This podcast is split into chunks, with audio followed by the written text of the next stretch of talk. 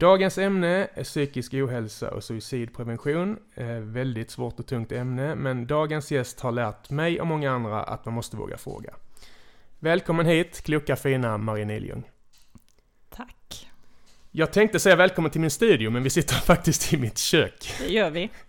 Man måste börja någonstans. Hur mår du då? Jag mår jättebra. Ja. Eh, ja. Det enda tråkiga är att man måste ha strumpbyxor för det är höst. Du har varit och...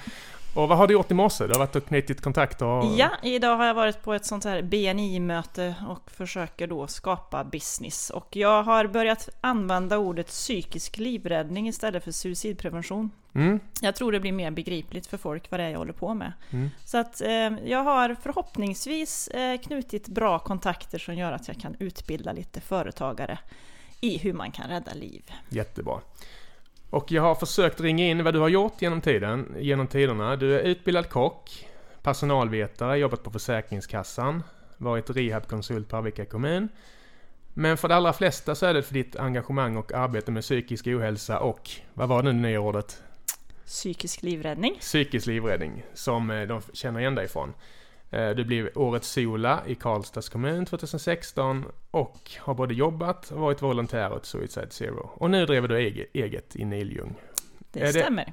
Var det en någorlunda beskrivning av vad du har gjort? Ja, det var ungefär vad jag gjort. Jag har gjort en massa saker. Men eh, nu är jag egenföretagare och jobbar året ut som anställd för Suicide Zero. Sen kommer jag jobba bara med Niljung. Mm.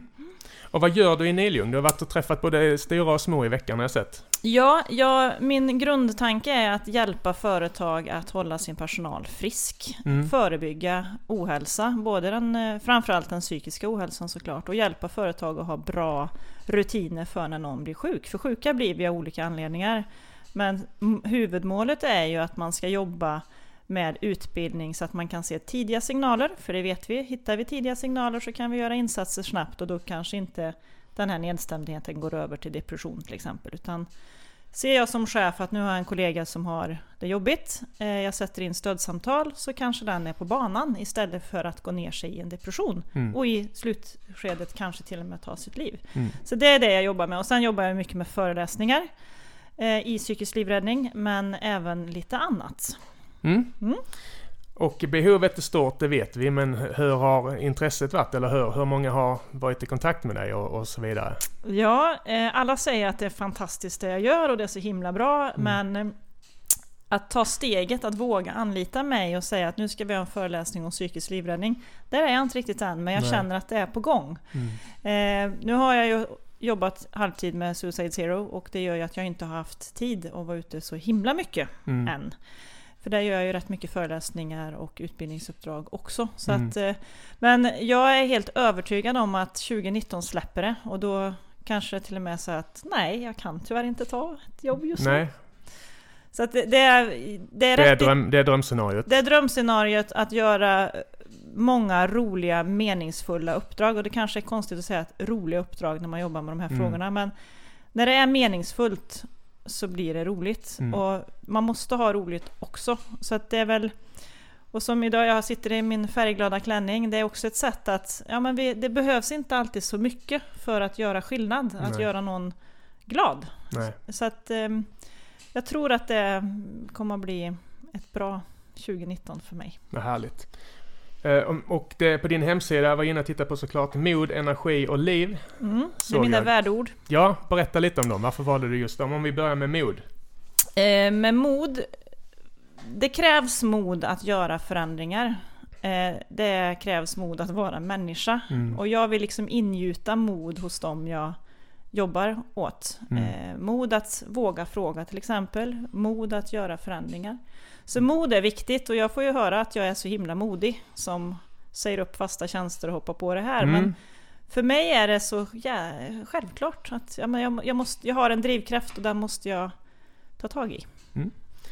Energi, säger sig självt. Men eh, Ja, jag vill ju bidra med energi. Eh, jag vet att jag gör det. Jag har en positiv grundsyn till livet och den Mm. vill jag dela med mig av. Och, då, och det behövs energi för att göra förändringar Mm. också. Så att det, man ska känna att man får energi när man möter mig. Och det får vi. Eh, det kan jag intyga. Eh, och liv.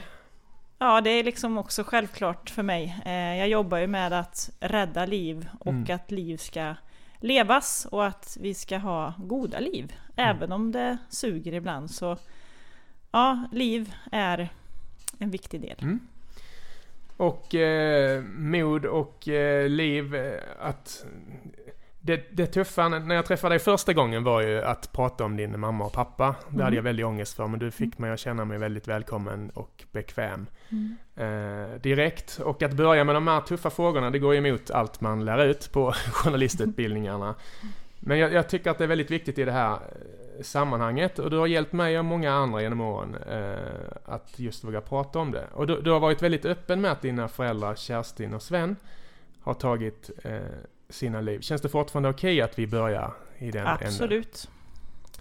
Och eh, samtidigt under intervjuns gång, när det passar, så, så tänkte jag att vi kunde prata om eh, några av alla de myter som finns eh, vad det gäller självmord. Men, men, men, men jag såg att du uttryckte det som psykologiska olycksfall. Mm. Kan du utveckla det? Alltså, Ja, för att det finns ju, man säger självmord, suicid eller psykologiska olycksfall. Det är bland annat Jan Beskow eh, som är eh, suicidforskare använder det. Självmord tycker jag inte om för det innehåller ju ordet mord, brottslig handling. Eh, suicid är lite för kliniskt. Om man ser på det som ett psykologiskt olycksfall så tar Mm. man bort skulden både från den som dog och oss som blir kvar. mm, Och det är en helt annan inställning till att vi för- vi förhindrar andra olyckor Mm. och vi ska förhindra de här olyckorna. Det är många olyckliga omständigheter som leder fram till en katastrof. Så för mig tycker jag psykologiska olycksfall är det bästa ordet och många efterlevande som jag träffar blir väldigt lättade när jag säger det. mm. Och därför tycker jag det är ett mycket, mycket bättre ord. Jag ska försöka hålla koll på det. Jag kommer säkert trampa i klaveret eh, någon gång av misstag, men då får du hjälpa mig upp. Man Eh, kan använda alla tre orden, det gör jag när jag föreläser också. Det finns liksom Ja. inget rätt eller fel, men jag tycker att det är ändå ett nej, men jag, bättre ord. Jag förstår, jag förstår. Eh, och den första myten som jag tänkte att vi kunde prata om, eh, det var att psykologiska olycksfall bara drabbar dysfunktionella familjer. Eh, du är född och uppvuxen i Kil. Mm. Kan du berätta lite om hur det var? De I först- Kil? I Ja. Kil, ja, när du växte upp. Nej men jag, jag växte ju upp med min mamma Kerstin och pappa Sven och min storebrorsa Jocke, eller Joakim. Mm. Och vi hade en väldigt trygg och bra uppväxt. Eh, mamma var både sjuksköterska, distriktssköterska, skolsköterska, pappa jobbade som säljare. Vi gjorde många roliga grejer. Det var, de var kärleksfulla och generösa. Det Mm. fanns inte psykisk ohälsa i min uppväxt. Nej. Och min mamma är uppvuxen i Arvika som ensambarn, goda ekonomiska möjligheter, kunde studera. Min pappa är uppväxt i Göteborg med fyra halvsyskon visade det sig. Och sen har han ytterligare fyra halvsyskon. Med helt andra förutsättningar och ändå ba- drabbas båda två av depressioner och psykisk ohälsa. Mm. Så att har, man väljer inte sin sjukdom, Nej. vill jag förmedla med det. Mm. Så Ja. det, det, för mig är det viktigt att prata om att det här eh, Psykologiska olycksfall drabbar alla. Det Mm. finns liksom ingen klassfråga där, utan det drabbar alla. Det Ja. vet vi. Och det är något som du ofta Mm. trycker på när du är ute Mm. och pratar. Mm. Men om, om, om vi börjar med, med Kerstin då. När blev hon deprimerad och, och så små, För hon blev deprimerad och utmattningsdepression eller vad, eller Ja. vad, vad ska vi...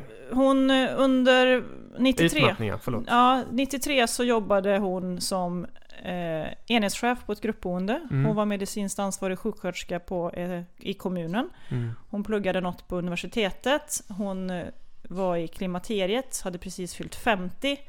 Min bror var rätt strulig tonåring sådär. Mm. Så att så här i efterhand så skulle hon säkert haft depression, eller di- diagnos utmattningsdepression. Mm.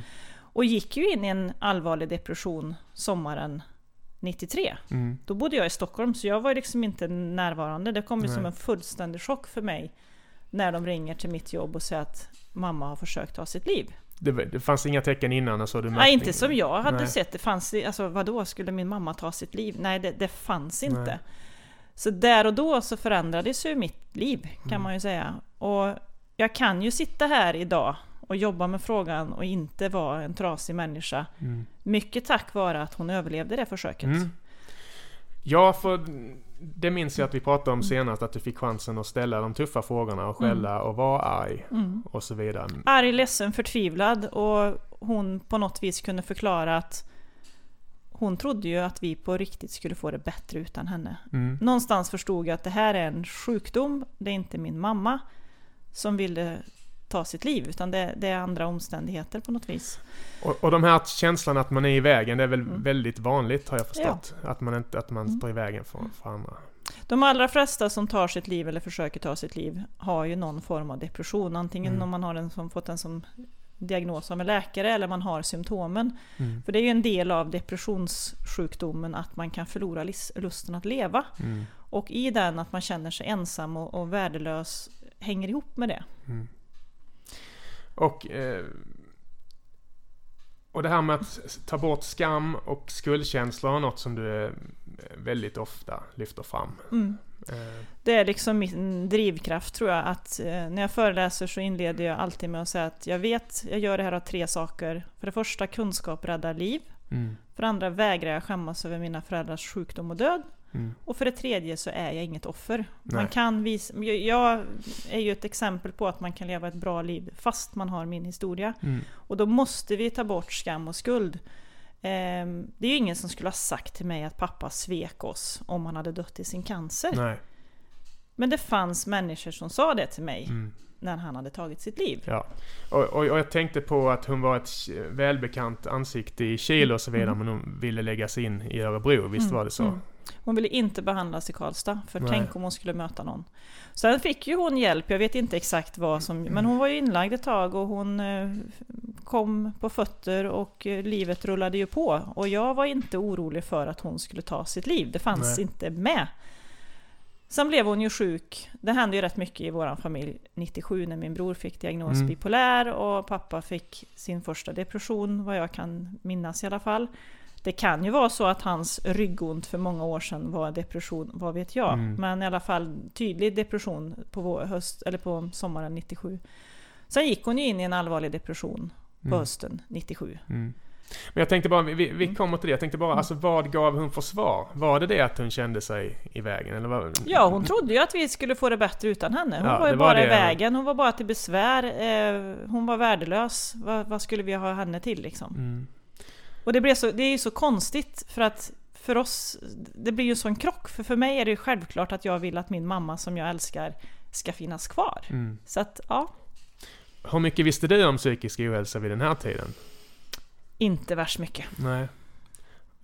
Minns du om, om man pratade om det vid den tiden, alltså allmänt? Jag, jag har inget större minne av att Nej, jag kan inte heller minnas om man... Eh, 90-talet, där mitten av 90-talet. 90-talet, nej. Det, man slängde sig säkert med att man var deppig. Ja. Ehm, och att det fanns någon som ehm, var deprimerad. Det fanns väl, men det var ju ingenting vi pratade om, Nej. framförallt inte i skolan. Det var väldigt svepande.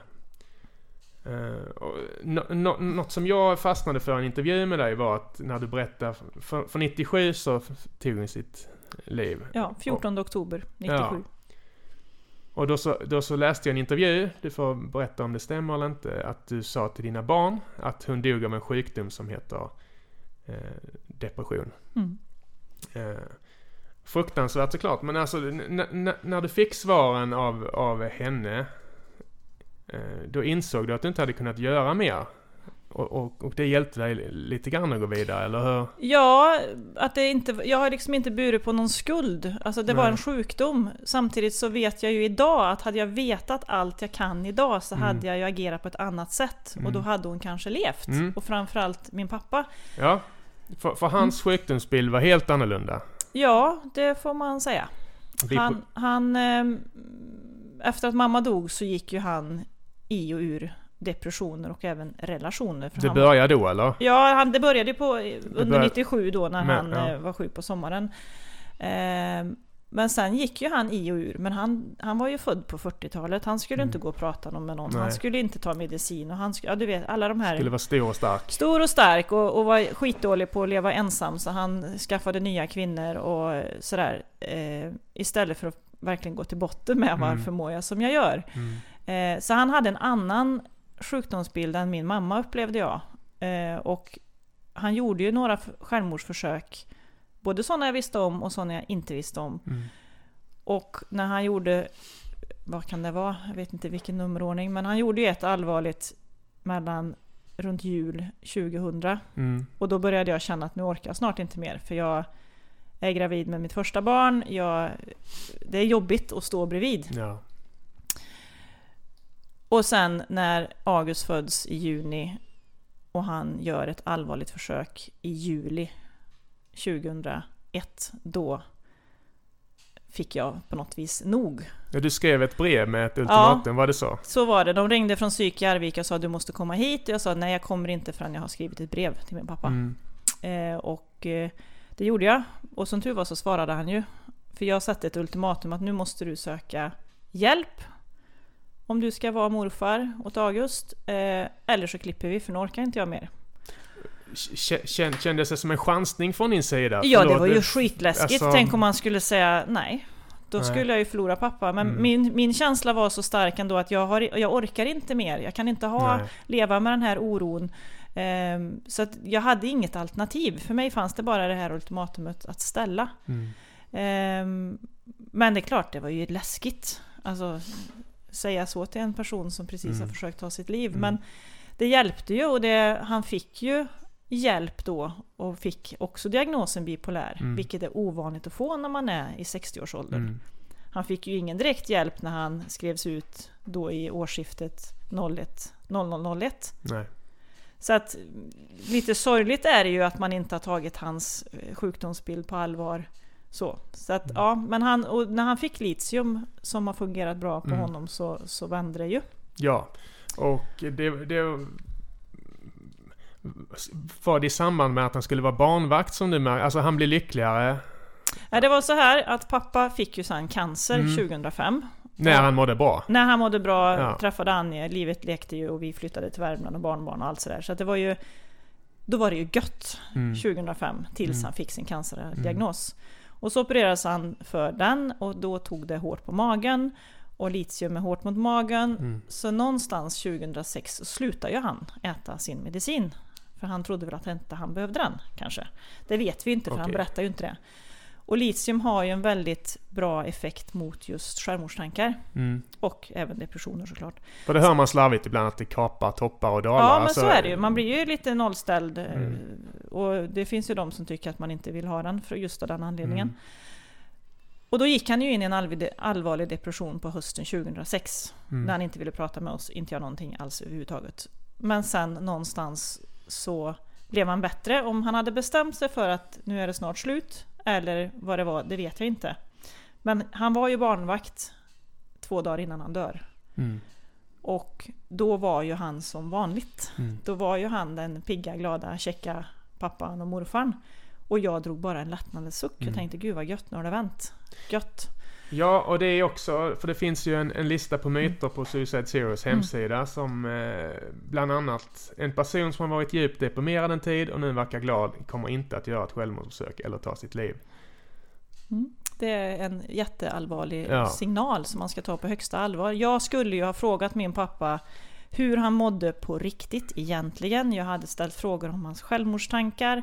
Ställt frågor hur, hur, hur mår du nu om du jämför med hur det var Mm. för de år sedan när du försökte ta ditt liv. Jag, skulle, jag hade liksom ställt på på ett helt annat sätt. Nu gjorde jag ju ingenting utan tänkte gud vad gött det har vänt. Mm. Men är det inte väldigt mänskligt att dra en lättnadens suck där? Jo men det är ju, inte- och speciellt när man inte vet mer. Jag Mm. menar jag, jag har ju lärt mig det här nu. Mm. Eh, jag trodde ju på myten att ja, men man kan inte hindra någon som har bestämt sig. Har man gjort försök förut så kommer de ändå Mm. till slut ta sitt liv. Mm. Jag trodde ju också på det, men idag vet jag att så är det inte och den kunskapen måste ut. Mm. Så det är väl det som är min... Jag känner ingen skuld över att jag inte kunde rädda honom. Men det är min skyldighet att förmedla kunskap så vi kan rädda andra. Då blir både mammas och pappas död lite mindre meningslös. Mm. Jag förstår det. Och, och, och vi, kom, vi kommer till eh, vad man kan och bör göra och har för möjligheter för efterlevande till exempel. Vi kommer till det lite mer i slutet. Men jag, jag tänkte ta lite exempel. Eh, jag pratade med en bekant nyligen som var inne i en djup depression för ett antal år sedan. Eh, och han, han pratade mycket om röster.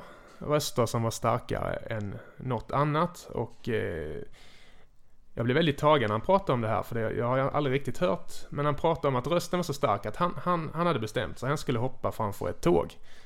Och det var ren tur att människor i hans närhet förstod att något inte stod rätt till och att han fick hjälp i tid. Vi, vi, vi var inne på det lite precis, men just det här att det aldrig går att hindra en person som har bestämt sig, det är också en myt. Det är också en jättefarlig myt. Ja. Det går att rädda någon så länge någon lever. Ta ett steg för livet, säger jag. Mm. Och i, i ditt pappas fall, och du får rätta mig om jag har fel, men, men det var det depressionen som tog överhanden. Kan man Mm. beskriva det så eller? Ja, det var depressionen som, som gjorde att han inte orkade leva. Och jag tror han hade också en väldig rädsla för att bli sjuk igen i sin Mm. cancer. Jag tror också han var väldigt orolig för att Annie skulle dö före honom, även om inte hon var sjuk. Så tror jag Mm. att han, han... Och han hade ju inte bearbetat varken sin barndom eller mammas död, eller alltså egentligen värst mycket alls. Eh, så jag tror att han var väldigt rädd. Och i kombination med att man har en depression så blir det inget bra. Nej. Jag förstår det. Vi, vi, innan vi började sända här så, så nämnde jag att eh, jag pratade lite om en eh, dokumentär som heter The Bridge. Mm. Om eh, Golden Gate-bron. De filmade ett helt år där 2004, dygnet runt, en helt filmteam. För det var en av de platser i världen där, där flest valde att, att hoppa. Eh, och i den här dokumentären så var det 24 människor som hoppade. Eh, där var en som överlevde. Han fick svåra ryggskador men han klarade sitt liv. Och eh, det som var mest gripande i hans berättelse tycker jag var att han sekunden eller tiondelen efter han tog steget ut från broräcket ångrade sig. Mm. Och det har jag förstått är väldigt, väldigt vanligt. Mm. Finns det någon statistik på det eller vad, vad säger forskningen eller vad, vad har du? Ja, statistik. Det, det man brukar prata om är att 9 av 10 som överlever ett självmordsförsök är ju tacksamma för att de lever. Mm. Och det är en hög siffra. Ja. Och 9 av 10 dör inte heller i psykologiskt olycksfall senare. Nej. Så att den här ambivalensen pratar ju väldigt, väldigt många om. Och som när pappa gjorde sitt näst sista försök när han skulle ner i vattnet var hans tanke att drunkna. Mm, Det var ju bara det att när han hamnade i vattnet så började han simma. mm, För oftast så vill man ju inte dö. Man orkar bara inte leva, men livskraften finns ändå där att man börjar agera. Och det är ju det som gör att, tror jag i alla fall, att eh, kvinnor använder ju andra metoder än män. mm. Man tar tabletter och då hinner man ju ändra sig, tack och lov. Okej. Man kan bli medveten, shit, ja, men jag vill ju leva, man hinner ringa någon. Ja. Eller be om hjälp själv. Eh, så att den här ambivalensen är jättestark. Mm. Och då måste vi medmänniskor runt omkring öka vår medvetenhet och våga agera. Mm. Och vi, vi, vi kommer till tecken och så vidare, men eh, jag ska inte prata längre om den här dokumentären, men, men en sak till som jag slogs av var hur olika hur olikt folk, hur de agerade innan de valde att ta steget över. Vissa gick och våndades fram och tillbaka, man såg till och med från 50 meters avstånd att de led och var ett, på ett mörkt ställe. Men vissa, det var en tjej som gick och pratade i mobiltelefon, skrattade glatt, såg jättelycklig ut, sund, frisk och sund och glad, som bara klickar, eh, stänger ner mobilen och hoppar över utan att tveka. Men när det har gått så långt, det frågade jag dig innan här, Finns det fortfarande tecken att se eller har man redan bestämt sig då? Alltså minuten innan man... Jag kan inte Jättesvårt svara för hur Nej. alla tänker, men jag tänker att, att eh, så länge man ser, alltså är man där i rätt tid så kan man ju förhindra, då får man ju rycka tag i den här personen. Mm. Eh, sen är det svårt att se tecken om inte man vet vilka tecken man ska leta Precis. efter. Eh, och att en del kan ju beskriva att man känner sig, när man har fattat ett beslut, det kan Mm. man ju jämföra med vilket beslut som helst. När man har fattat ett beslut så blir man lugn. Mm.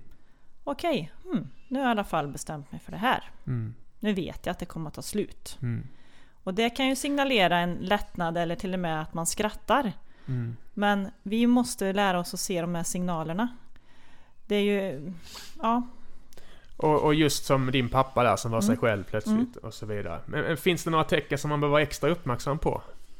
Ja, man kan ju vara uppmärksam på när det händer saker i ens närhetsliv. Alltså, Mm. pappa går i pension, mamma får en cancerdiagnos, Mm. eh, grannen skiljer sig. Det är ju livsomställningar som vi alla kan reagera på. Det kan Mm. vara svårare att säga att oj, har du en depression nu eller inte? Mm. Men de här sakerna, att förlora jobbet, eh, man kan drabbas av en ekonomisk smäll. Eh, om, att man reagerar som medmänniska då, att ställa frågor. Hur mår du egentligen? För att jag vet att det har hänt rätt mycket saker i ditt liv. Mm. Hur mår du? Det kan vi ju alla reagera på.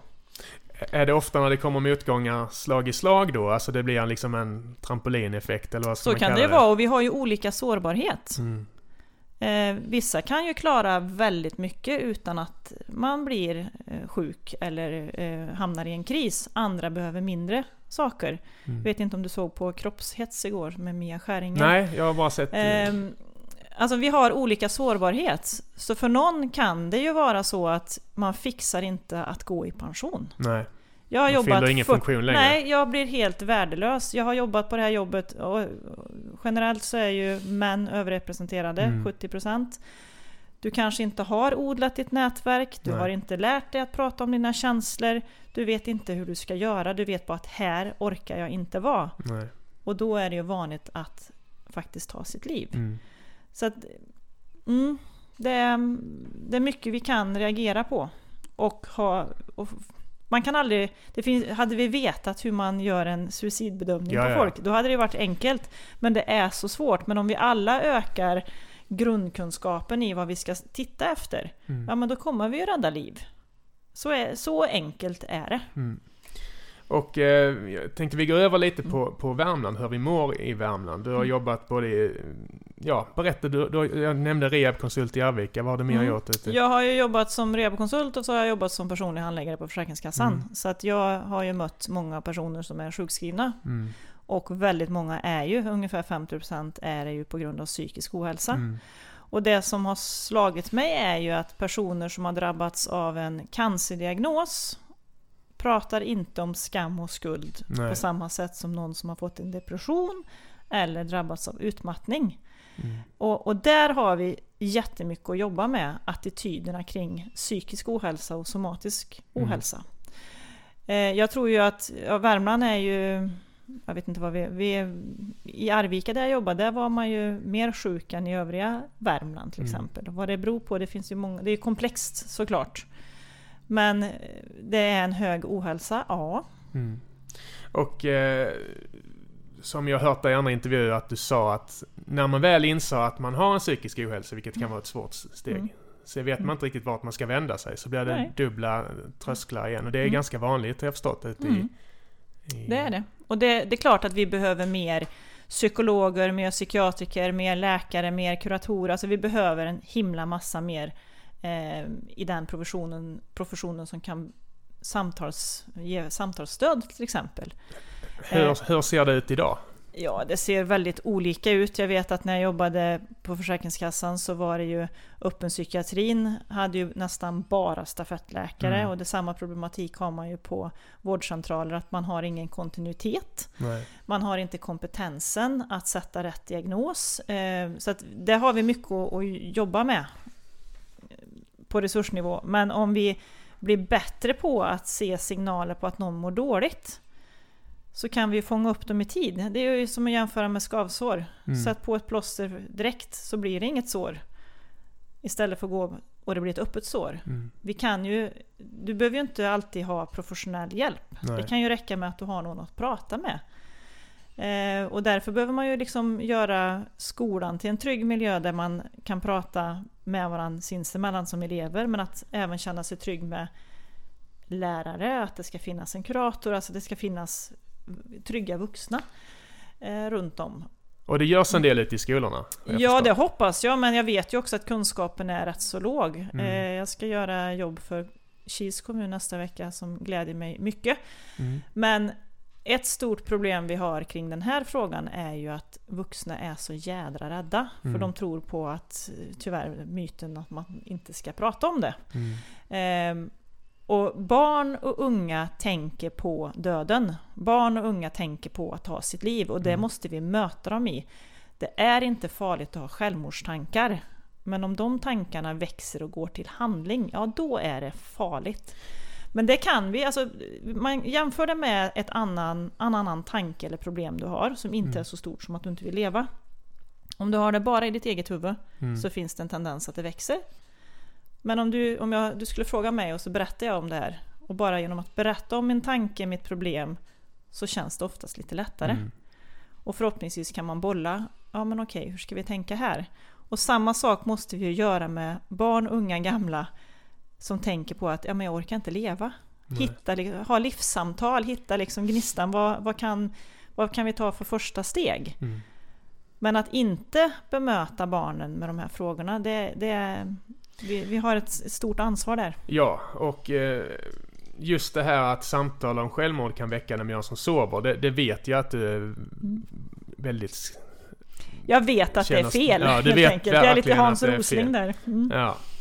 Eh, Men något, något eh, positivt var ju den här handlingsplanen. Jag kan inte så mycket om den, men Uppdrag nollvision Mm. hette den va? Vad har, vad har hänt där? Vad är det för något och vad har hänt? Ja, sen jag drog igång och började bli engagerad i Suicide Zero och gjort stödkonserter och annat så har ju, började med att landstinget tog en nollvision mot självmord 2015.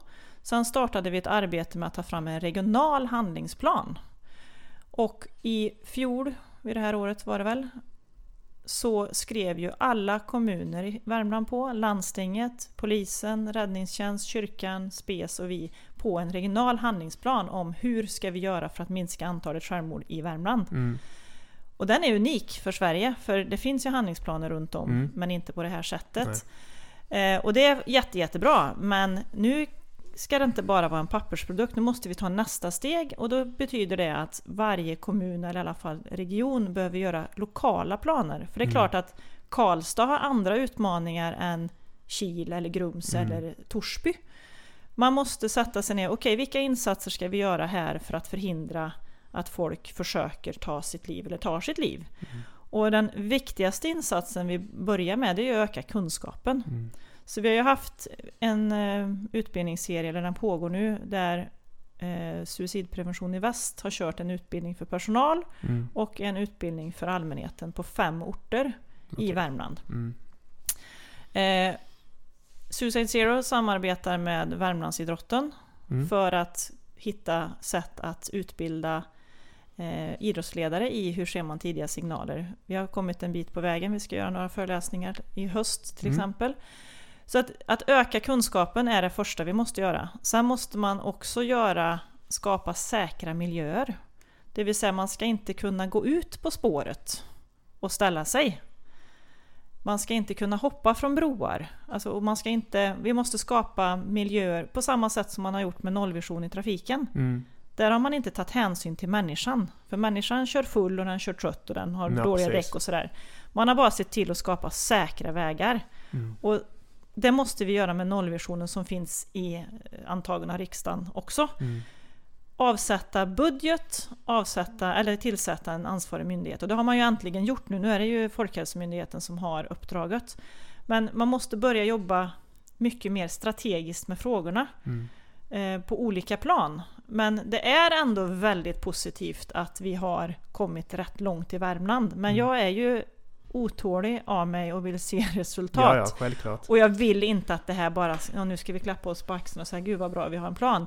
Nu är det verkstad som gäller. Finns det risk att det kommer att stanna i några kommuner? Att det inte Ja, kommer så det mycket? finns- finns om det risk. inte finns kompetensen överallt kanske? Det finns alltid en risk med, och då är det ju, måste man tänka funktion och inte person. Mm. Det räcker inte att det är drivna eldsjälar som finns i varje kommun, utan man måste se till att ja, men vi ska ha en ansvarig som jobbar med suicidprevention i den här kommunen, Mm. likväl som man har någon som jobbar med andra viktiga övergripande frågor. Så att, ja, men nu, nu kommer jag ju kliva av som eh, regionansvarig i Värmland, Mm. men Anna Sundqvist Kreutner kliver in i mitt ställe och eh, så arbetet kommer ju fortsätta med att ta fram ännu mer konkreta saker i Värmland. Men utbildning är A och O. När tror du vi kommer få en effekt? Jättesvårt att säga om såklart. Men alltså, för, Ja. för vi, vi pratade lite om det. Jag hade ju tagit fram statistik som jag tyckte så positiv ut. Mm, Som du lite elegant dementerade. Men, men alltså om, om vi jämför lite, lite svepande från... Det har inte blivit mycket bättre, det har inte blivit bättre alls egentligen de sista tio åren. Nej, eller? om man alltså gällande tittar- siffror. Nej, om man tittar på hela Sverige så är det ju runt 1500 som tar sitt liv. För 2016 var ju 1478, vilket är ju Mm. faktiskt mindre än året innan. Så Mm. jag hoppas ju innerligt att statistiken som kommer 24 oktober säger Mm. att vi är under 1478 personer. Mm. Och att vi ser effekter i Värmland. För i Värmland så är det ungefär mellan 40 och 45 personer varje år som dör. Mm. Och Bengt Stenström som är den regionala samordnaren, han sa så bra på ljusmanifestationen att det är konstigt. Hade vi haft en sjukdom som hade tagit 45 värmlänningars liv Mm. på ett år så hade ju samhället bara liksom kraftsamlat. Slagits bakut, ja. Och om det här då hade fortsatt år två Mm. så hade det liksom hänt något. Mm. Men det här pågår år efter år. Och jag tycker det är en väldigt bra liknelse. Mm. Och det är ju samma sak som när det händer en katastrof som tsunamin eller eh, Estonia. Ja, men då kraftsamlar vi. Ja. Men det här som pågår, att fyra personer varje dag tar sitt liv. Men jag hoppas som sagt att de här insatserna som görs i Värmland och i Sverige ger effekt. Ehm, men ja, det kommer att ta lite tid tror jag. Mm. Men alltså något som jag upplever det att, som är positivt är i alla fall att det talas mer öppet om psykisk ohälsa Mm. numera. Eller är det, är det bara i min krets? Men jag tycker man hör det mer och mer, man ser det mer kända personer som går Mm. ut och talar om det. Eh, Avicii, supertragiskt, men Mm. det blir i alla fall en samtalsfråga vid, vid Mm. middagsborden i alla Mm. familjer i Mm. princip som hade unga medlemmar i alla fall och så vidare. Det måste väl vara positivt? Jo men det är det. På de här fyra åren som jag har varit engagerad så har ju just den här den yttersta konsekvensen, det vill säga psykologiska olycksfall, blivit väldigt mycket mer uppmärksammat. Att SVT gör en hel serie Mm. som heter 30 liv i veckan. Radio Värmland har uppmärksammat frågan, fick till exempel fick faktiskt pris Mm, av oss såg det. eh, för bästa rapportering, eller hedersomnämnande i alla fall. Mm. Så det är klart att det har hänt jättemycket och det är men det som jag kan vara lite orolig över det är när man pratar om att den psykiska ohälsan ökar så drastiskt hos unga. Att Mm.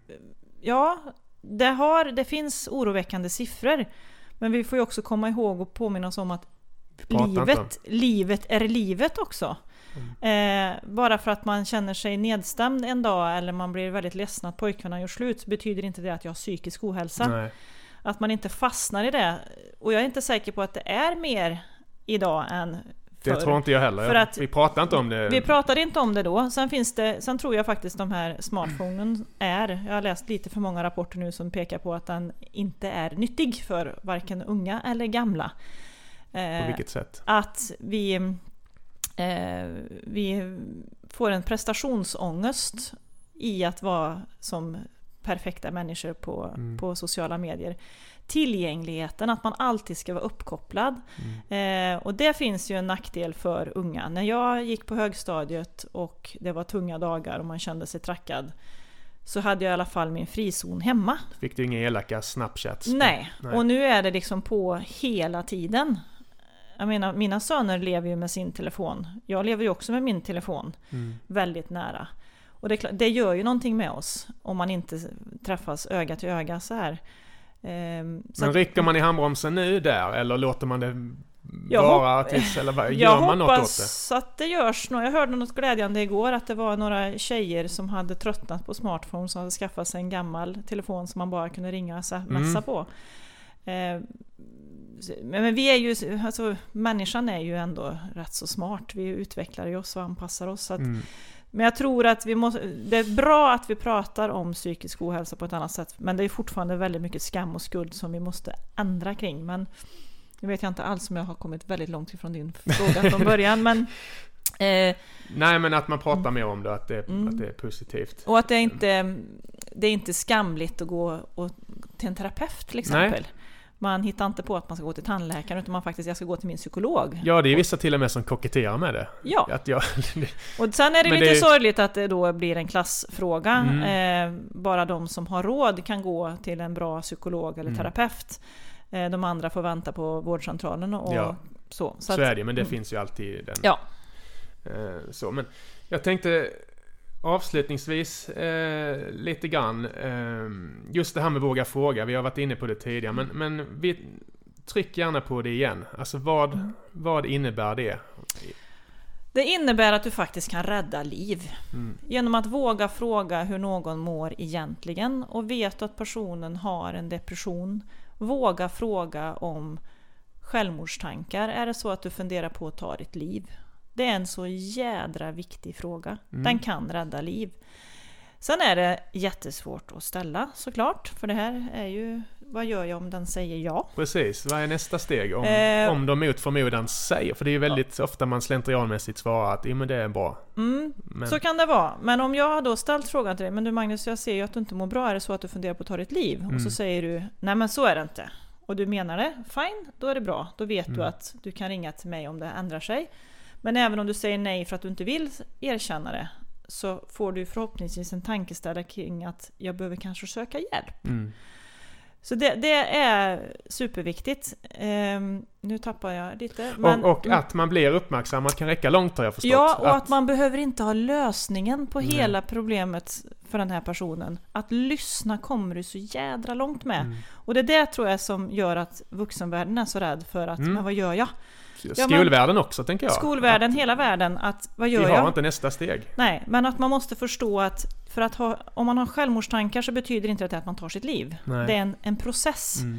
Vi måste bemöta tankarna så att de inte går över till handling. Mm. Och då kan det räcka med att man faktiskt pratar om det, lyssnar på och ställer öppna frågor. Hur kändes det? Eh, och, eller att man lockar till, ja men vad, vad, när mår du bra? Uppmuntra till att göra saker som man faktiskt mår bättre av. Mm. Så man behöver inte ha hela lösningen. Men är det så att du säger, ja men jag vill fan inte leva, jag vet vilket tåg jag ska ställa mig framför. Okej Magnus, nu åker vi till psykakuten, Ja. får jag säga då. Då är det dags. Och då får man jämföra, alltså kommer man till det läget att det är akut, då får man tänka att det här är lika livshotande som om jag skulle ramla ner här och du behöver göra hjärt och lungräddning. Mm. Du frågar ju inte mig om jag vill ha hjälp, du bara Mm. hjälper mig ju. Mm. Och vi måste se att det är lika livshotande om någon är på väg att, ta sitt liv. Då kan man liksom, nej men äh, tänk om han blir sur om jag... jag äh. Skit i det, du måste rädda liv. För det, det har du sagt att folk Ja. blir inte arga. Nej, folk blir inte Det arga. Och det kan hända att någon blir besviken och arg på dig för att jag, eh, och speciellt med unga, att man inte får lov att hålla ett mående hemligt. Mm. Om du är 17 år och säger till mig men du Maria, fan jag vill inte leva, men du får inte säga det till någon. Så måste jag bryta det Mm. löftet. För det är... Man kan be om ursäkt till någon som lever. Mm. Så att det, det är, vi måste våga agera och våga ehm, kliva på helt enkelt. Mm. Och avslutningsvis så får du gärna tipsa om... eh, Vi, vi börjar med efterlevande. Du själv Mm. fick terapi och du berättat gestaltterapi. Kan du berätta om det? Du Ja. pratade med en stol, visst var det så? Ja, det har jag, Delvis. också, det har jag gjort. Men då ska jag ju säga att tyvärr har jag fått leta reda på all terapi själv. Mm. Eh, fanns inget eh, forum dit jag kunde gå, eh, varken när mamma dog eller när pappa dog. Gestaltterapi var bra för mig, eh, för då satt jag och pratade med en stol och stolen fick vara mamma. Mm. Eh, sen har jag gått i massa annan terapi också för att bearbeta eh, de här händelserna. Mm. Eh, så att man som efterlevande så måste man få stöd. Eh, SPES, som står för suicidprevention och efterlevandestöd, finns Mm. ju här i Värmland och har träffar en gång i månaden där man kan få träffa andra som har förlorat någon. För det är en annan sorg Mm. än att få mista någon i en trafikolycka. Mm. En del pratar om en andra sorg. För att man får inte prata om den som har dött. Nej. Eh, Så det är jätteviktigt om man har drabbats av den här förlusten att man får hjälp och stöd. Det kan vara på vårdcentralen, det kan vara på elevhälsan.